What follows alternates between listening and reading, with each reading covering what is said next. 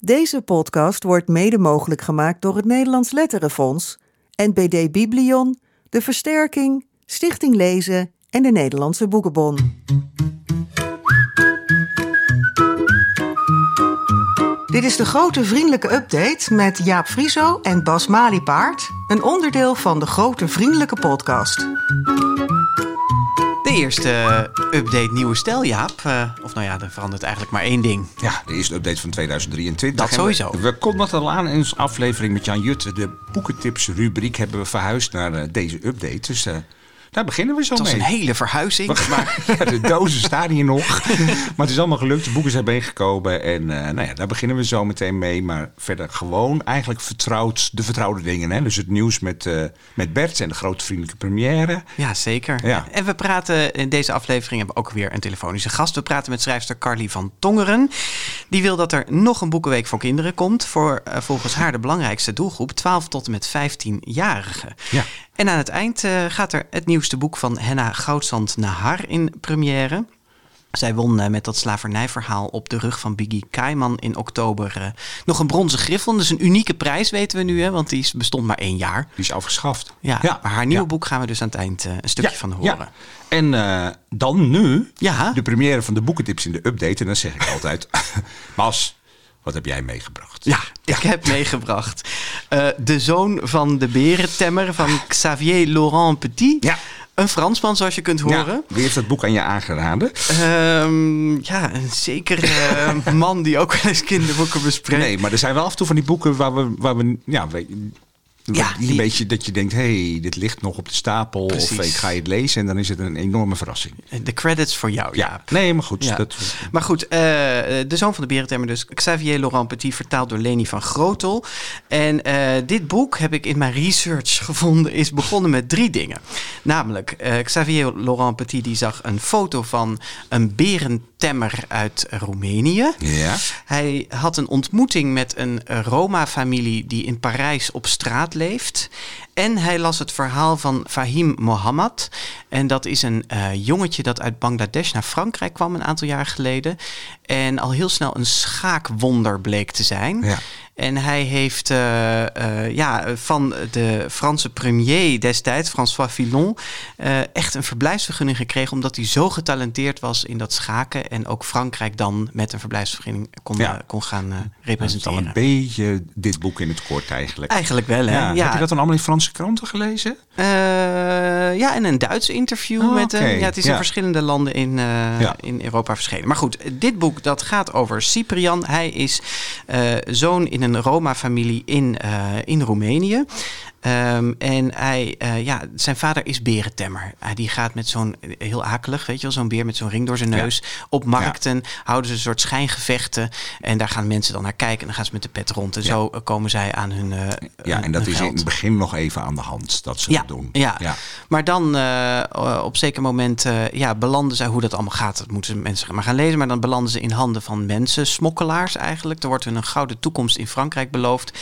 Ik had in het begin met die berentemmers ook het gevoel van in welke tijd speelt dit nou precies? Maar je komt er eigenlijk steeds sneller achter. Hé, hey, dit gaat gewoon, dit nu? speelt gewoon in het nu. nu? Ja. Want het komt heel middeleeuws over dan. Ja, hè, dat je, ja maar blijkbaar komt dit nog voor op dit die komt manier. Nog, nog voor, ja. ja. En uh, nou, die mensen gaan uh, met die mensensmokkelaars naar Parijs en komen daar, ja, de Gouden Bergen blijken afvalbergen te zijn eigenlijk. Want ze komen in, uh, ja, in een soort krottenwijk in een banlieue terecht. Ja, nou erger dan een krottenwijk. Een wijk zou ik dit eigenlijk niet nee, noemen. Weet nee. je, het is een soort tentenkamp. Of ja. hij, zei het heel mooi een keer tegen mij. Tenten ellende of zo. Ja, zo is tenten ellende. ja, ja, nee, ja maar het ziet helemaal voor je. Weet met je, bouwmaterialen, modder, nou verschrikkelijk. op de grond en daar komen ze dan met hun gezin terecht. Hè? Want hij is met een broer. Ja, en zus vader en moeder. en vader en, zus. moeder. Ja. En uh, ja, zij gaan eigenlijk, uh, moeten zij ja, de, de, de schuld die ze hebben opgebouwd aan die mensensmokkelaars uh, voor die smokkel, moeten zij gaan afbetalen. En die wordt natuurlijk steeds meer. En ze moeten stelen en liegen en bedriegen om dat geld allemaal bij elkaar te krijgen. Ja.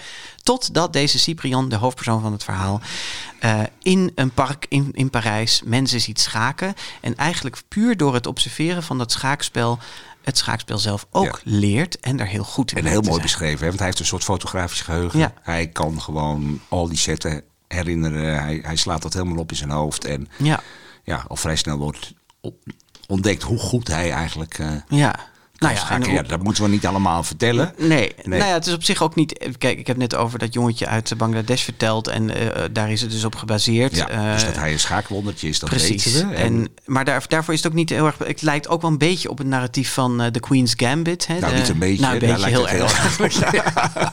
De Netflix-serie, gebaseerd ook op een roman. Alleen heeft het wel een hele andere sfeer. Weet je, heeft dat is een hele andere hele sfeer. andere. Dus daar moet je het niet vergelijken. Maar zo'n meisje dat in die film of in die serie dan dat schaaktalent heeft en, en Ja. iedereen maar verslaat. Uit een dat, kansloze situatie omhoog klimt. Ja, alhoewel het dit nog niet eens zozeer eigenlijk over het schaken gaat. Want het boek eindigt eigenlijk een beetje op het moment dat hij echt schaakcarrière misschien Ja, wel gaat ja. maken. Dat weet Ja, je precies, dat weet je niet, Hij wordt gewoon door mensen onder de arm genomen die zijn talent herkennen en dan gebeurt er van alles. Ja, en het is, het is heel spannend. Eh, Ja. Er zitten heel veel eh, hele fijne personages Hele in. Mevrouw Walvis, Louise Grijze Oog. Hij geeft ze ook allemaal bijzondere namen. Omdat hij ook nog niet zo goed Frans spreekt Nee. en zo. En eh, ja, het, het is ook wel een heel rauw boek. En dat, is, eh, dat vind ik er ook heel mooi aan. Dat de- eh, naast dat ja, eh, het succesverhaal, wat het ook is, is, is Ja, maar het gaat afschuwelijk met zijn familie. Precies, zitten er ook allerlei Met zijn schaduwkanten vader, ja. Het is allemaal Ja. heel naar eigenlijk. En dus- dat is wel, het is wat dat betreft heel realistisch. Je krijgt wel heel erg die, Ja. dat modderige gevoel mee van zo'n leven in, Ja. in, in, in zo'n uitlicht, uitzichtloos kamp. Maar ondertussen gloort er ook een soort vlammetje van... eh, Nou ja, en, maar ook Nou. wel de, de vragen van waarom eh, hè, kan hij door zijn talent wel ontsnappen aan, aan de ellende en, en de rest van de familie niet?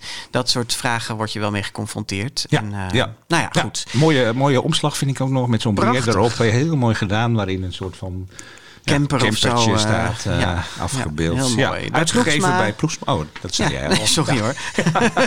Voor, voor 12 plus ongeveer, Ja, hè? dat mag jij dan weer zeggen. En jij, Jaap, wat ik heb heb een jij 15 plus meegenomen? eh, boek meegenomen. eh, Van een oude vertrouwde eigenlijk. eh Ja. Erna Sassen, die al twee keer bij ons in de podcast is geweest. Onder andere over haar vorige boek Zonder Titel. Ja. Dat was in aflevering 41. En daar hebben we toen heel uitgebreid over gepraat. En dat was toen een... eh, nou ja, een bijzonder boek, omdat het een symbiose was tussen verhaal en tekeningen met Martijn van der Linden. Het gaat over, dat ging over een jongen die heel goed kon tekenen, eh, op het VBO, MBO zat. En dat was een soort van liefdesverhaal eh, over een meisje, een voor hem wat onbereikbaar meisje, wat uiteindelijk terugging naar Irak. Ja, uitgehuwelijkt. Uitgehuwelijkt is. werd, ja, precies.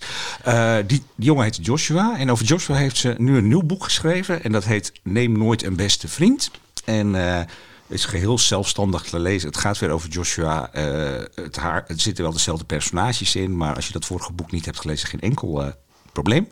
En dit gaat eigenlijk heel erg over de vriendschap die hij in het vorige eh, boek sloot met twee jongens op het VMBO, Sergio en Dylan.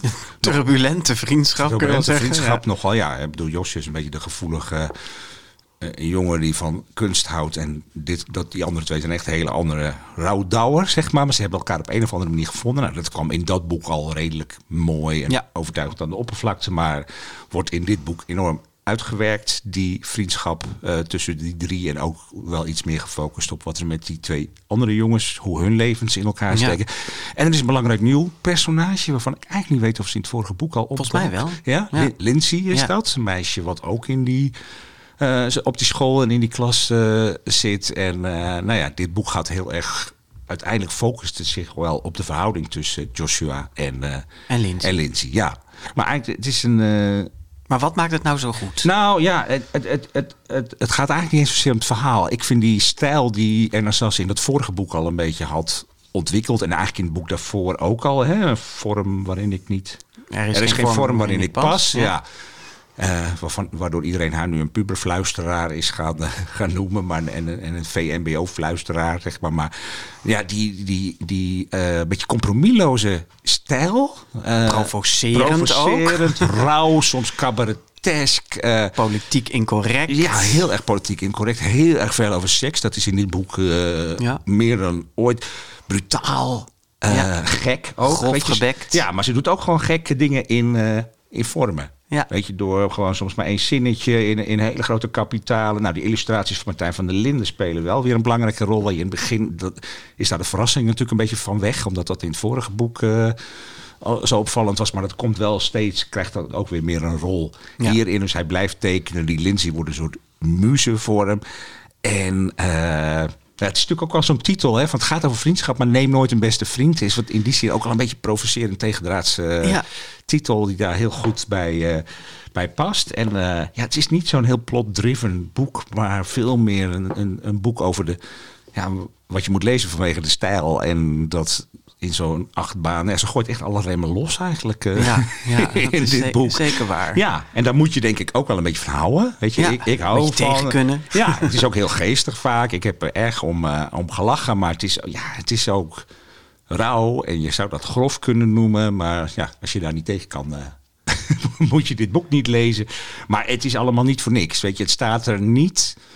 Nou, ze ik- ontroert ook tussen al die grofheid, Zeker. ontroert ze ja, ook nee, het is een heel lief boek. Het, is ja. heel kwetsbaar, het zijn hele Ja. kwetsbare personages. Alle Ja. drie zijn, of alle vier zijn eigenlijk wel een soort van, van grote bek, Ja. klein hartje. Ja, grote zo'n rare uitdrukking. hartje. Ja, ik denk dan heb je kan ook een groot hart hebben. Maar in ieder geval, nou ja, bijzonder is het op zijn minst weer. Zeker, Ja, neem zeker. nooit een beste vriend van Erna Sassen. Het is weer uitgegeven bij Leopold en eh, nou ja, jong adult noemen we dit hè. Vijf- Absoluut. 15 plus. Ja. Alle informatie over de boekentips vind je natuurlijk op de grotevriendelijkepodcast.nl. En heel fijn ook als je ons op eh, eh, sociale media volgt. Hè? Instagram, Twitter of Facebook onder slash de GV podcast.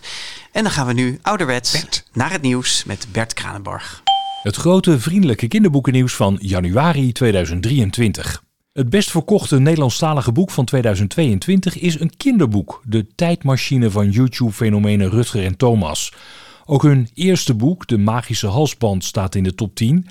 Aan het Jeugdjournaal vertellen de twee hoe blij ze daarmee zijn. Nou, het is bizar. Onze beide boeken staan gewoon in de top 10. Echt bizar, inderdaad. We zijn er ongelooflijk trots op. Vooral omdat we zoveel kinderen met zoveel plezier aan het lezen krijgen. Echt ongelooflijk dit. Er staan in totaal 16 kinderboeken in de top 100 van best verkochte boeken van vorig jaar. Opvallend is de hoge notering van het laatste boek over de gorgels van Jochem Meijer, omdat het pas half november verscheen. Ook de klassiekers Rupsje Noord genoeg en Over een kleine mol die wil weten wie er op zijn kop gepoept heeft, staan in de top 100. Films die nergens draaien van Gouden Griffelwinnaar Jork Goldewijk staat op plek 97.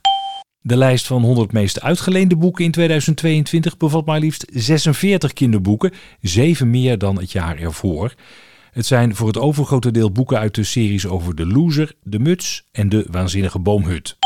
Janneke Schotveld kondigt in de podcast Lawines Razen aan dat ze bezig is met het laatste deel van haar succesvolle serie Super Juffie over de ongewone juf Josje. Ik vind tien een mooi aantal. En ze heeft veel gezien op de wereld. Ze heeft veel gedaan. En ik vind het nu nog leuk. En anders moet ik te lang zoeken naar toch weer een Ja, plotje. of een... Ja. Terwijl ik begon nu aan deel 10. Heeft even een tijdje tussen gezeten. En ik voel me meteen weer, denk ik, oh lekker. Meester Snor en de kinderen. Want Ja. je kent ze net als een boek herlezen. Is Ja. dat fijn? Het eerste boek over Super Juffie verscheen in 2010 en werd acht jaar later verfilmd. Het tiende en laatste deel in de reeks heet Super Juffie in de Storm en verschijnt eind mei. Mishka, Morris, Patroon, Schildpad en ik en Mot en de Metaalvissers zijn genomineerd voor de Boon voor Jeugdliteratuur. Aan de Belgische Jeugdboekenprijs is een bedrag van 50.000 euro verbonden. De eerste boon ging vorig jaar naar Pieter Goudenserboos voor Een Zee van Liefde.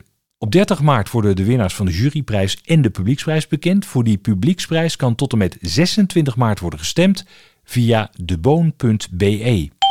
Op 9 januari stierf de kinderboekenschrijfster Simone Kramer op 83-jarige leeftijd. Ze debuteerde in 1985 met de voorleesbundel Nog 100 nachtjes slapen. Een steen door de ruit, haar derde boek, werd getipt door de Nederlandse kinderjury. Kramer is later vooral bekend geworden met haar hervertellingen van Griekse en Noordse mythen en Europese sagen.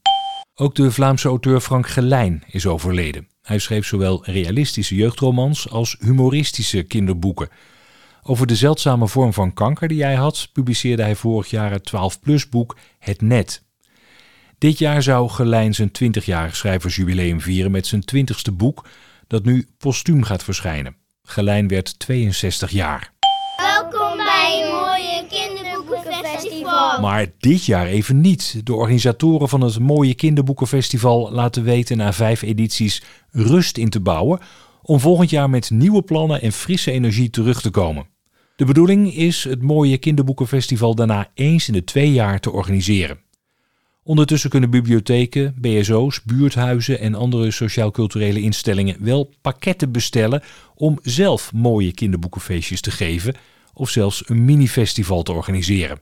Sophie Pluim maakte illustraties voor het kinderboekenweekgeschenk van Sanne Rozenboom. Dat betekent dat het boekje niet aansluit bij haar populaire serie over het ministerie van Oplossingen. Yvonne Jachtenberg is gevraagd voor het prentenboek van de Kinderboekenweek. Pim Lammers maakt het themagedicht. Ivan Kudogam schrijft de tekst voor het Kinderen voor Kinderen lied. Het thema van de Kinderboekenweek, die op 4 oktober begint, is Bij mij thuis. Er moet een speciale boekenweek voor 12 tot 15-jarigen komen, stelt schrijfster Carly van Tongeren in een opiniestuk in de Volkskrant. Volgens haar valt deze doelgroep tussen wal en schip omdat de kinderboekenweek voor de basisschoolleeftijd is en de boekenweek van jongeren voor 15-plussers. Het horror-fantasy boek In het vervloekte hart van Rima Ori wordt vertaald in het Engels. De rechten zijn verkocht aan een Schotse uitgeverij. In aflevering 76 van de GVP spraken we met de schrijfster over deze young adult roman. Mijn eerste boek was inderdaad heel warm en sprookjesachtig. en hier wilde Oriëntaalse, hè? Ja. ik. Ja, en hier wilde ik echt gewoon uh, ja, dat donkere, duistere eruit halen. Het is soms bijna een slasher movie, weet je. Het gaat echt, uh, echt heftig erop. hoor. Nee, ik weet nog, Bas het zat te lezen en die appte mij op een avond van... Ik, ik ben nu bij passages van... Ik, Ik moest het even wegleggen. Ook Mishka van Edward van der Vendel gaat naar het buitenland. Het boek waarover we in aflevering 81 met de schrijver spraken, verschijnt binnenkort in Duitsland en Frankrijk. De Russische voorzitter van de Hans Christian Andersenprijs is afgetreden. Illustrator Anastasia Archipova werd vorig jaar september gekozen, maar door de aanval van Rusland op Oekraïne ontstond onrust over haar positie. Archipova ontkende dat ze betrokken was bij Russische oorlogspropaganda, zoals werd gesuggereerd. Koningin Margrethe van Denemarken trok zich vanwege deze kwestie eerder al terug als beschermvrouwen van de Hans Christian Andersenprijs. Tot slot een cultuurtip. Theatergroep De Jonge Honden maakt een familievoorstelling van de jeugdklassieker De Scheepsjongens van de Bonte Koe. Een geëngageerde voorstelling over vooroordelen en idealen die aansluit bij recente discussies rondom Nederlands-Indië. Het boek van Johan Fabricius over Rolf, Hajo en Padde aan boord van een Oost-Indië-vaarder uit 1924 werd in 2007 ook al verfilmd. Het toneelstuk is vanaf 19 februari in theaters door het hele land te zien. Nou, daar wil ik wel heen naar de Scheepsjongens van Montekoe. Vond ik vroeger een, eh, Ja? een fijn boek. Ja. Dat was Bert met Ja. het nieuws. Dankjewel Bert. En een aantal dingen om over, best veel om over na te praten. Zeker. Ik, eigenlijk. Ja, bijvoorbeeld die best verkochte boeken. Het best verkochte Nederlandstalige boek van afgelopen jaar is een kinderboek. Ja. Ja, van Rutger en Thomas. En die staan zelfs twee keer in de top 10. En daar staan de zoete zusjes ook nog tussenin. En daar zie je toch wel een klein trendje. Hè? Een, een kosmos-trendje. Ja, een YouTube-trendje. Ja, nee, maar de, de Cosmos, daar hebben we het eerder over gehad, is een, een serie begonnen. En die hebben ook aangegeven dat ze daar verder mee gaan. En nieuwe eh, mensen nog voor gaan vragen eigenlijk om, nou ja, eh, vloggers ook een boek eh, in boekvorm te laten verschijnen op een of andere manier. Nou, ik weet niet of ze dat specifiek voor die... Maar goed, het is, ze zijn in elk geval begonnen met deze twee... om een nieuwe kinderboeken in print eh, ja, te maken. maar ja. voor mij willen ze meer YouTubers. Oké, eh, ja, dat was me niet helemaal Nou, Oké, ja, voor mij wel. Maar dat, dat in ieder geval is die link tussen mensen die al populair zijn... Ja, en die laat je dan een boek schrijven. Dat is een gat in de markt. bl- blijkbaar. eh, Gebleken. Want ze scoren nogal, hè. Maar Ja. eh, we lazen wel op Boekblad, het vaktijdschrift voor, de, voor de, het boekenvak... Ja. een nieuwtje dat Rutger en Thomas overstappen... van uitgeverij Cosmos naar Billy Bones. Ja, dat is nogal wat natuurlijk voor boeken die met schrijvers die met twee boeken in de top 10 eh, staan. Nou, dan heb je een goede vangst als uitgever. Een hele goede en ook wel een vangst. groot verlies als, eh, ja als andere uitgevers. Zeker, ja. Het, de- het derde deel van hun serie, eh, dus over Rutger, Thomas en Paco, hun hondje, dat verschijnt in het najaar Bij Billy Bones. bij Billy Bones. Ja. En in het voorjaar komt er nog wel een doeboek bij Cosmos uit. Ja, ja. Eh, ander nieuws uit die eh, jaarcijfers eh, van het CPNB. Dat is een hele rits met dingen wat allemaal afgelopen jaar in het boekenvak gebeurde. Het gaat weer beter met de bibliotheken. Dat mag natuurlijk ook wel na de pandemie, hè, waarin lang gesloten is. sluitingen, ja. ja, maar in ieder geval, dat is, een- zijn altijd een beetje getallen om en nabij. Maar er zijn vorig jaar weer 51 miljoen boeken uitgeleend. Dat was voor de pandemie nog 56 miljoen. Dus we zijn nog niet helemaal terug op het niveau Ja, daarvan. Maar goed, aan het begin van twee, dat vergeten we wel eens. Maar aan het begin vorig jaar was het ook nog een tijdje ja zeker. corona Toen en zaten we nog een gesloten. ja, dus we hebben nog niet eens een ja. vol jaar eh, eh, lockdown vrij eh, gehad. Ja, en dan één op de vijf verkochte boeken is anderstalig. En dan voornamelijk Engels natuurlijk. Dat wint een enorm eh, terrein. Vooral ook onder jongeren. Hè. Die, eh, die trend die zien we natuurlijk eh, op BookTok, hè, TikTok. Ja, daar was de afgelopen jaren ook heel veel aandacht voor eigenlijk. Hè, Heel veel aandacht fenomeen. voor. Ja. Ja, ja, en daar, daar zitten positieve dingen aan natuurlijk. Dat kinderen, of jongeren blijkbaar heel erg eh, goed worden in Engels met z'n allen. En dat eh, heel veel oefenen door daar te gaan lezen. En ze lezen. Eh, maar minder leuk is natuurlijk voor de Nederlandse schrijvers... voor ook de ontwikkeling van het Nederlands onder jongeren. Ja, en je leest ook, denk ik, toch minder over Nederlandse dingen. Weet je, Ja. in die zin ver-Amerikaanse en, en verengelse cultuur dan ook wel heel erg. Dat vind ik er wel jammer aan. Er werd ook weer van alles over gezegd. eh, Ja, het was wel een eh, beetje alsof mensen dat nu ineens ook ontdekten in een soort van alarmklokje. Omdat het dan zo in die jaarcijfers staat. En dat de Nederlandse boeken minder verkocht eh, zijn. Ja, valt van alles eh, over te zeggen. Gaan we misschien nu niet doen, Gaan we nu niet doen. Nee, gaan we zeker niet doen. eh, Nee, genoeg andere alle- dingen. Ja, we hebben het er al eerder over gehad. Ja, is het zo. dus ja. Ja. Dan eh, de shortlist van De Boon. Ja, Ja, vind ik wel leuk dat die prijs heeft een beetje...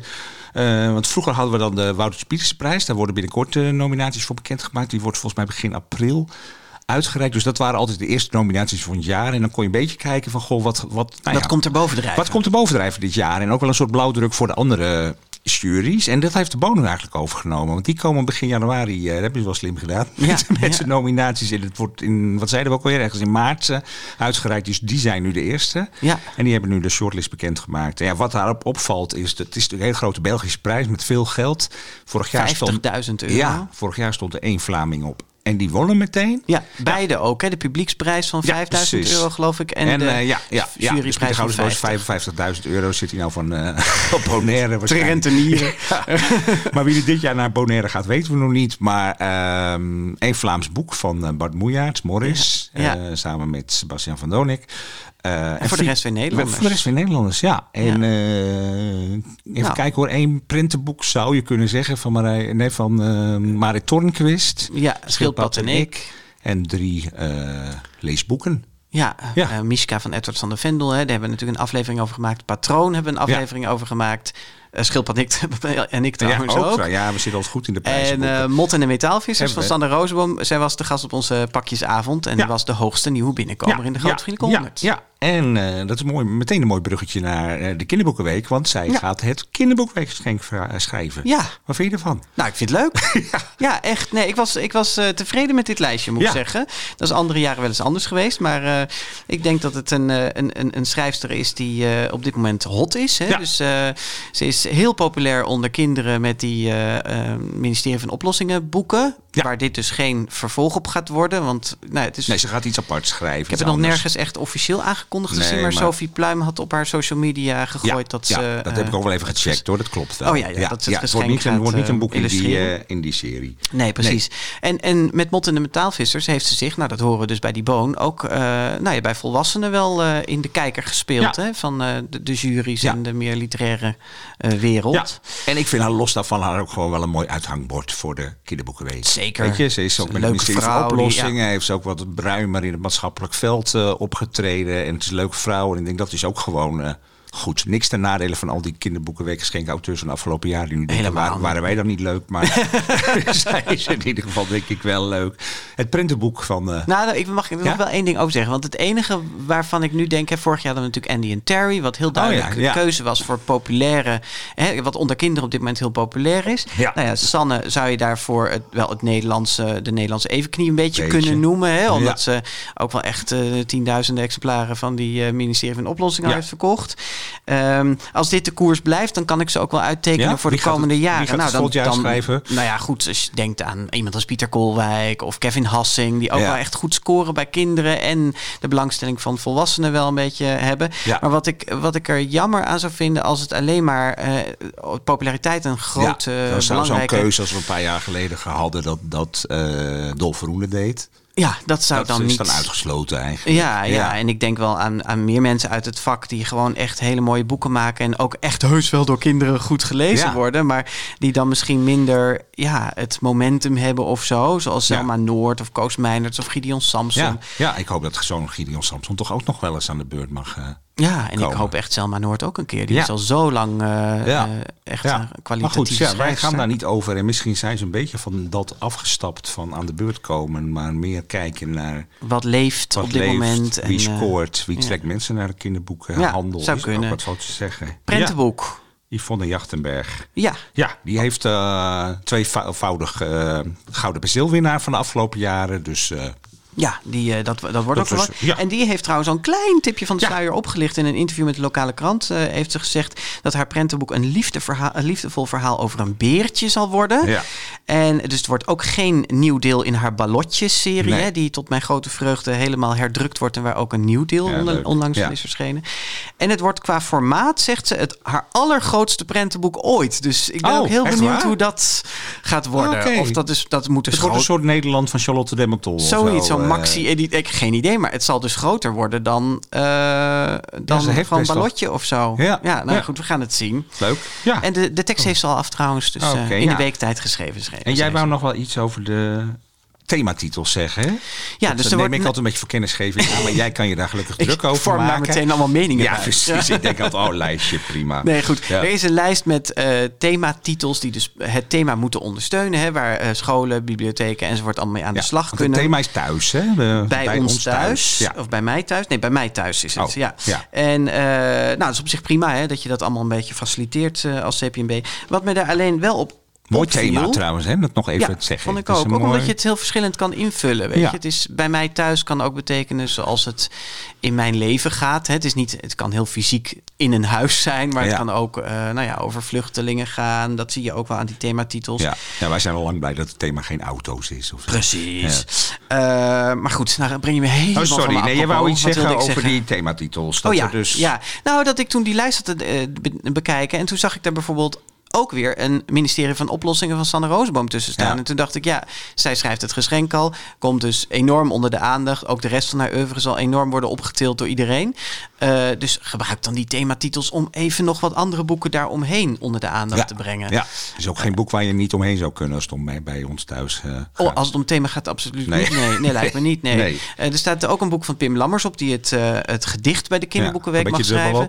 Ja, maar daar, daarvan denk ik dan nog, nou ja, dat is alleen het gedicht. Weet ja, je, dat, ja. Eh, coördinatie had iets beter gekund. ja, ja. li- lijkt me wel. Gewoon volgend jaar een regeltje dat van de makers geen. ja, eh, ja. eh, En staan daar die- vaak ook klassiekers op of zijn dat altijd een beetje nieuwere boeken? Nou, de laatste tijd. Vroeger was dat wel echt zo. Dat er Ja. echt klassiekers op staan. Dat ontbreekt nu ook een beetje. Ik dacht bijvoorbeeld bij mij thuis. Toen moest ik meteen denken aan Bij Uil thuis van Arnold Lobel. Ja. Eh, echt een van mijn favoriete boeken. En als het nou iets over thuis gaat, dan is dat boek het wel. ja, maar dat doen ze dan blijkbaar niet meer zo. Die Het is een onafhankelijke commissie. Ja, en dus ik geloof ook dat geen- uitgevers moeten aanmelden. Dus, Geen eh, Nijntje of Kikker of zo. eh. Ja, blijkbaar niet. Nee, want die waren ook best veel thuis. Die zijn ook heel veel thuis. Ja. Nou ja. eh, Over een andere boekenweek gesproken. Ja. Waarom is er geen boekenweek voor 12 tot 15-jarigen? Dat is immers de belangrijkste groep lezers. En eh, nou ja, die vraag en stelling poneerde schrijfster Callie van Tongeren in een column in de Volkskrant eh, begin januari. En die column die maakte nogal de tongen los. Zeker, veel ja. reacties. Ja, en ze kreeg veel reacties en, uit, en ook nog een uitnodiging om en met de CPNB en Stichting Lezen in gesprek te gaan. Dus wij dachten, we bellen even met Carly. Hallo. Hallo, ja. Hallo. Jij hebt in die column eh, in Ja. de Volkskrant een, eh, een, eh, ja, een soort hartekreet gedaan. Waar, waar kwam die vandaan? Ja. Behal- behalve uit je tenen. Ja, die kwam wel uit mijn tenen, Ja. inderdaad. Ehm, ja, ik vind het zelf zo jammer dat jeugdboeken, ja, niet, jeugdboeken bedoel ik dus 12-plus boeken, hè, dat die zo weinig zichtbaar zijn. En aan de andere kant hebben we het er wel steeds over dat deze doelgroep, oh ze lezen niet, ontlezing, leescrisis. Maar ja, ja, wat doen we dan? Dan hebben we dus voor hun geen boekenweek. Alleen voor hun ook niet. Ja, want Dus even, even voor de goede orde. We hebben natuurlijk de kinderboekenweek. Dat is een basisschoolcampagne tot en met 12 jaar. En dan hebben we de boekenweek Ja. van jongeren. Die is eh, boven de 15. Hè, 15 tot 18 jaar zo'n beetje. Maar dus die, die groep Ja. 12 tot 15... die valt dus inderdaad een beetje tussen wal en schip, zeg je eigenlijk. Ja, ja, Ja. en dat is zo zonde, want het is een, een cruciaal moment. Want dan gaan ze leuk meedoen met de kinderboekenweek, lekker lezen tot 12 jaar. Dan drie jaar vergeten we ze en dan moeten ze ineens weer wel lekker gaan lezen als ze 15 zijn. Ja, daar geloof ik dan niet zo in. Ja, en Nee. even voor de goede orde, jij schrijft ook voor die Ja, doelgroep. dus het is hè? puur eigen belang eigenlijk. Nee, ik doe dit voor alle, alle jeugdboekenschrijvers Heel van goed, Nederland. Carly, heel natuurlijk. goed, ja. ja, ja. ja. Ja, maar jij was, je schrijft ook wel in het verhaal van ik kwam erachter dat ik me op het kinderboekenbal iets thuis voelde. Dat ik me daar een beetje, ja, dat ik echt voelde van dit valt een beetje tussen wal en schip. Ja, ja, het was echt een heel raar. Ja, tuurlijk, het is een grote eer van. Nou, ik mag naar het kinderboekenbal. En daar komen natuurlijk meer schrijvers die alleen maar jeugdboeken schrijven, zoals ik. Dus geen eh, uitstapjes naar kinderboeken. Maar ja, en ik de hele avond juichen voor alle kinderboeken. Maar ja, het, het gaat helemaal nooit over het jeugdboek. En toen dacht ik, ja, we kunnen toch ook met z'n allen daarvoor juichen. Eh, Ja, Ja, en, maar er, is wel een, eh, tegenwoordig een, een griffel voor 12 plus. Dus een heel klein beetje gejuicht Ja. is er wel. Maar dat is niet ja, genoeg. Maar Ja. dat- nee, dat schrijf ik ook in dat stuk. Het- tuurlijk is het hartstikke fijn dat die doelgroep wordt meegenomen bij de griffels. Maar een beetje meenemen, ja, dat, dat, dat valt gewoon weg tegen al die mooie, ontroerende, hartverwarmende kinderboeken. En dan, ja, als daar één jeugdboek ergens in een rijtje staat, nee. Dat, dat is echt niet genoeg als het zo leescode rood is, zoals ik in het eh Ja. opiniestuk schrijf. Ja, Jaap mag daar niks over zeggen als Griffels jurylid. Maar het lijkt mij ook wel sterk dat er bijvoorbeeld een eh 13, 14 of 15 plus boek eh, de Gouden Griffel gaat winnen. Want dan loop je natuurlijk compleet eh sla je de plank mis in die hele basisschoolcampagne die de Kinderboekenweek is. En gaat niemand meer de Gouden Griffel kopen. Tenminste, nee, dat, nee, dat, zou- lijkt dat mij zou dan. eigenlijk, ja, Ja, ja, dat Ja, nou is Jaap wel, nogal eh, tegen draads, hè? dus ik zou niks uitsluiten. we sluiten niks uit. Maar eh Carly, jij pleit Nee, in dat nee. stuk eh, dus eigenlijk voor nog een boekenweek erbij. Hè? Dus voor die 12 tot 15. Wordt dat niet een beetje veel naast de boekenweek voor volwassenen, de boekenweek van jongeren en de kinderboekenweek? Ja, dat, eh, ik heb inderdaad als reactie gehad heel veel mensen die zeiden... ja, leuk, eh, heel fijn zo'n week, eh, laten we dat doen. En ook reacties van mensen die zeiden van... nou, moet het nou eh, nog een boekenweek? Dan worden we toch wel boekenweek moe. Ehm, ja, dat kan inderdaad. Maar dan zou ik die, die week van de, de boekenweek voor jongeren vanaf 12 doen. Dan zou ik die van 12 tot 18 jaar doen... als je geen extra boekenweek zou willen...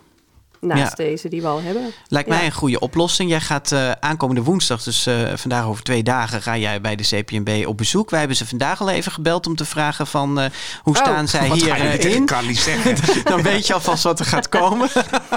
Maar ze- Oh, heel fijn, heel fijn. Nee, maar goed, zij, zij geven ook wel, en dat lijkt me ook wel terecht, ook de, de moeilijkheden aan met een boekenweek van 12 tot 18. Hè? Van hoe ga je bijvoorbeeld een geschenk maken dat en eh, brugklassers en exa- eindexamenleerlingen eh, tegelijkertijd eh, aanspreekt, bijvoorbeeld. Ehm, en ze zeggen ook van ja, er, er wordt op andere vlakken voor deze doelgroep 12 tot 15 al best wel veel gedaan. Hè? Ze noemen dan bijvoorbeeld de jonge jury of de weddenschap of Nederland leest junior. Wat vind je daarvan? Ehm, ja, er zijn inderdaad mensen die denken van ja, dat kan niet. Hè? Die doelgroepen samen 12 tot 15 en 15 tot 18, want er zijn zoveel verschillen. Maar ja, nou, weet ik niet. Ik vind dat niet echt een eh, onoverkomelijk probleem. Ik denk dat die, die, kind, die jongeren van 12 tot 15 voelen zich al meer thuis bij jongeren dan bij kinderen. Want je wil gewoon groot zijn. Dus Ja. dat, eh, dat, dat sowieso. En ja, ik weet dat al die andere dingen er ook zijn. De jonge jury is superleuk, maar er is ook een kinderjury. Dus ja, ik, waar ik naar op zoek ben, is echt iets, iets groots. Niet van die, eh, die mooie initiatieven die er zijn, maar echt iets wat breed gedragen wordt. Wat echt een duw in de rug geeft. Niet een duwtje, maar een duw voor de jeugdboeken. Om ze echt goed zichtbaar te maken. Vind je het nu misschien Eh, ook te versnipperd of zo? eh, al die Ja, ik vind het echt heel. Ja, ik, ik doe er ook zelf aan mee hoor, aan die projecten. Ik vind het, ik, ik, ik juich alle initiatieven toe. Maar ik vind het, ja, het is niet, niet genoeg. Want die initiatieven zijn er al heel lang. Eh, als die inderdaad voldoende waren, dan zaten we niet met een leescrisis. Dan, ja, dan ging het nu gewoon goed. Ja, en, het is natuurlijk wel zo, die kinderboekenweek is een enorm succes, hè? Al, al heel Ja, lang. En dat en- merk ja. is natuurlijk ijzersterk. Dus dat is misschien ook waardoor we snel denken van, oh, zo'n boekenweek is de heilige graal. Terwijl de boekenweek voor jongeren echt nog wel een beetje uit de verf moet komen. Ook wel aangesleuteld is. Ja, zeker. Ja, dus is, Ja. is zo'n boek, is, is, staren we ons niet te veel blind op zo'n fenomeen boekenweek? Ja, ik zeg ook niet dat dat het enige is eh, wat we moeten doen. Nee, dat maar ik heb. ik, eh, nee, ik, het lijkt mij gewoon een heel mooi moment om het met met z'n allen te vieren. Dat is wel wat je in de kinderboekenweek hebt en ook in de gewone boekenweek. We staan er echt bij stil hoe leuk is lezen. We gaan naar evenementen. Hè, lezen staat echt even in de belangstelling. En zo'n moment hebben we niet voor jongeren. En dat terwijl het zo nodig is, juist voor, voor die doelgroep. En daar kan iedereen bij inhaken. Scholen, bibliotheken, ouders thuis. We hebben nog niet gezegd uh, dat, dat jij... Uh, we hebben wel gezegd dat je schrijfster bent... maar niet dat je een aantal boeken hebt geschreven bij Blossomboeks. Uh, je nieuwe boek Grijs ligt net in bij de winkel. Blossomboeks? Bij ja. Blossomboeks, ja. En dat zijn mm, over het algemeen 12, 14, 15 plus boeken, hè? Ja, ik heb inderdaad sommige die wat meer over seks gaan. Die worden dan soms 15 plus genoemd, maar uh, de andere 12 Maar loopt dat ook? Ja. Zie je dat in die boeken ook al in, in de ontvangst dat het een beetje door elkaar heen loopt? En dat zo'n boekenweek voor jongeren vanaf 12 in die zin best wel haalbaar zou moeten zijn? Ja, ik, ik, ik, ja, nee, als ik schrijf, dan heb ik ook niet per se zo'n zo'n categorie in mijn hoofd van, oh, dit is echt voor 12 tot 15 of van 15 tot 18. Ik heb dat onderscheid totaal niet in mijn hoofd als ik aan het schrijven ben. En als ik schoolbezoeken doe, dan, ja, de ene keer sta ik voor een brugklas, de andere keer voor 3 VMBO. Ik, ik, ja, ik ben gewoon thuis in die hele doelgroep van 12 tot 18. Ja, wat, als, schrijver, als schrijver. Ja, ja, jij gaat nu op bezoek bij de CPMB en bij Stichting Lezen. Uh, waar ja. ga je vooral op inzetten? Heb je één ding in je hoofd of ga, wordt het een heel breed verkennend gesprek? Nou, ik ga er zeker open in. Ik weet ook niet wat ik. Jullie hebben al gebeld, maar ik weet nog niet uh, wat, wat, ik kan verwachten.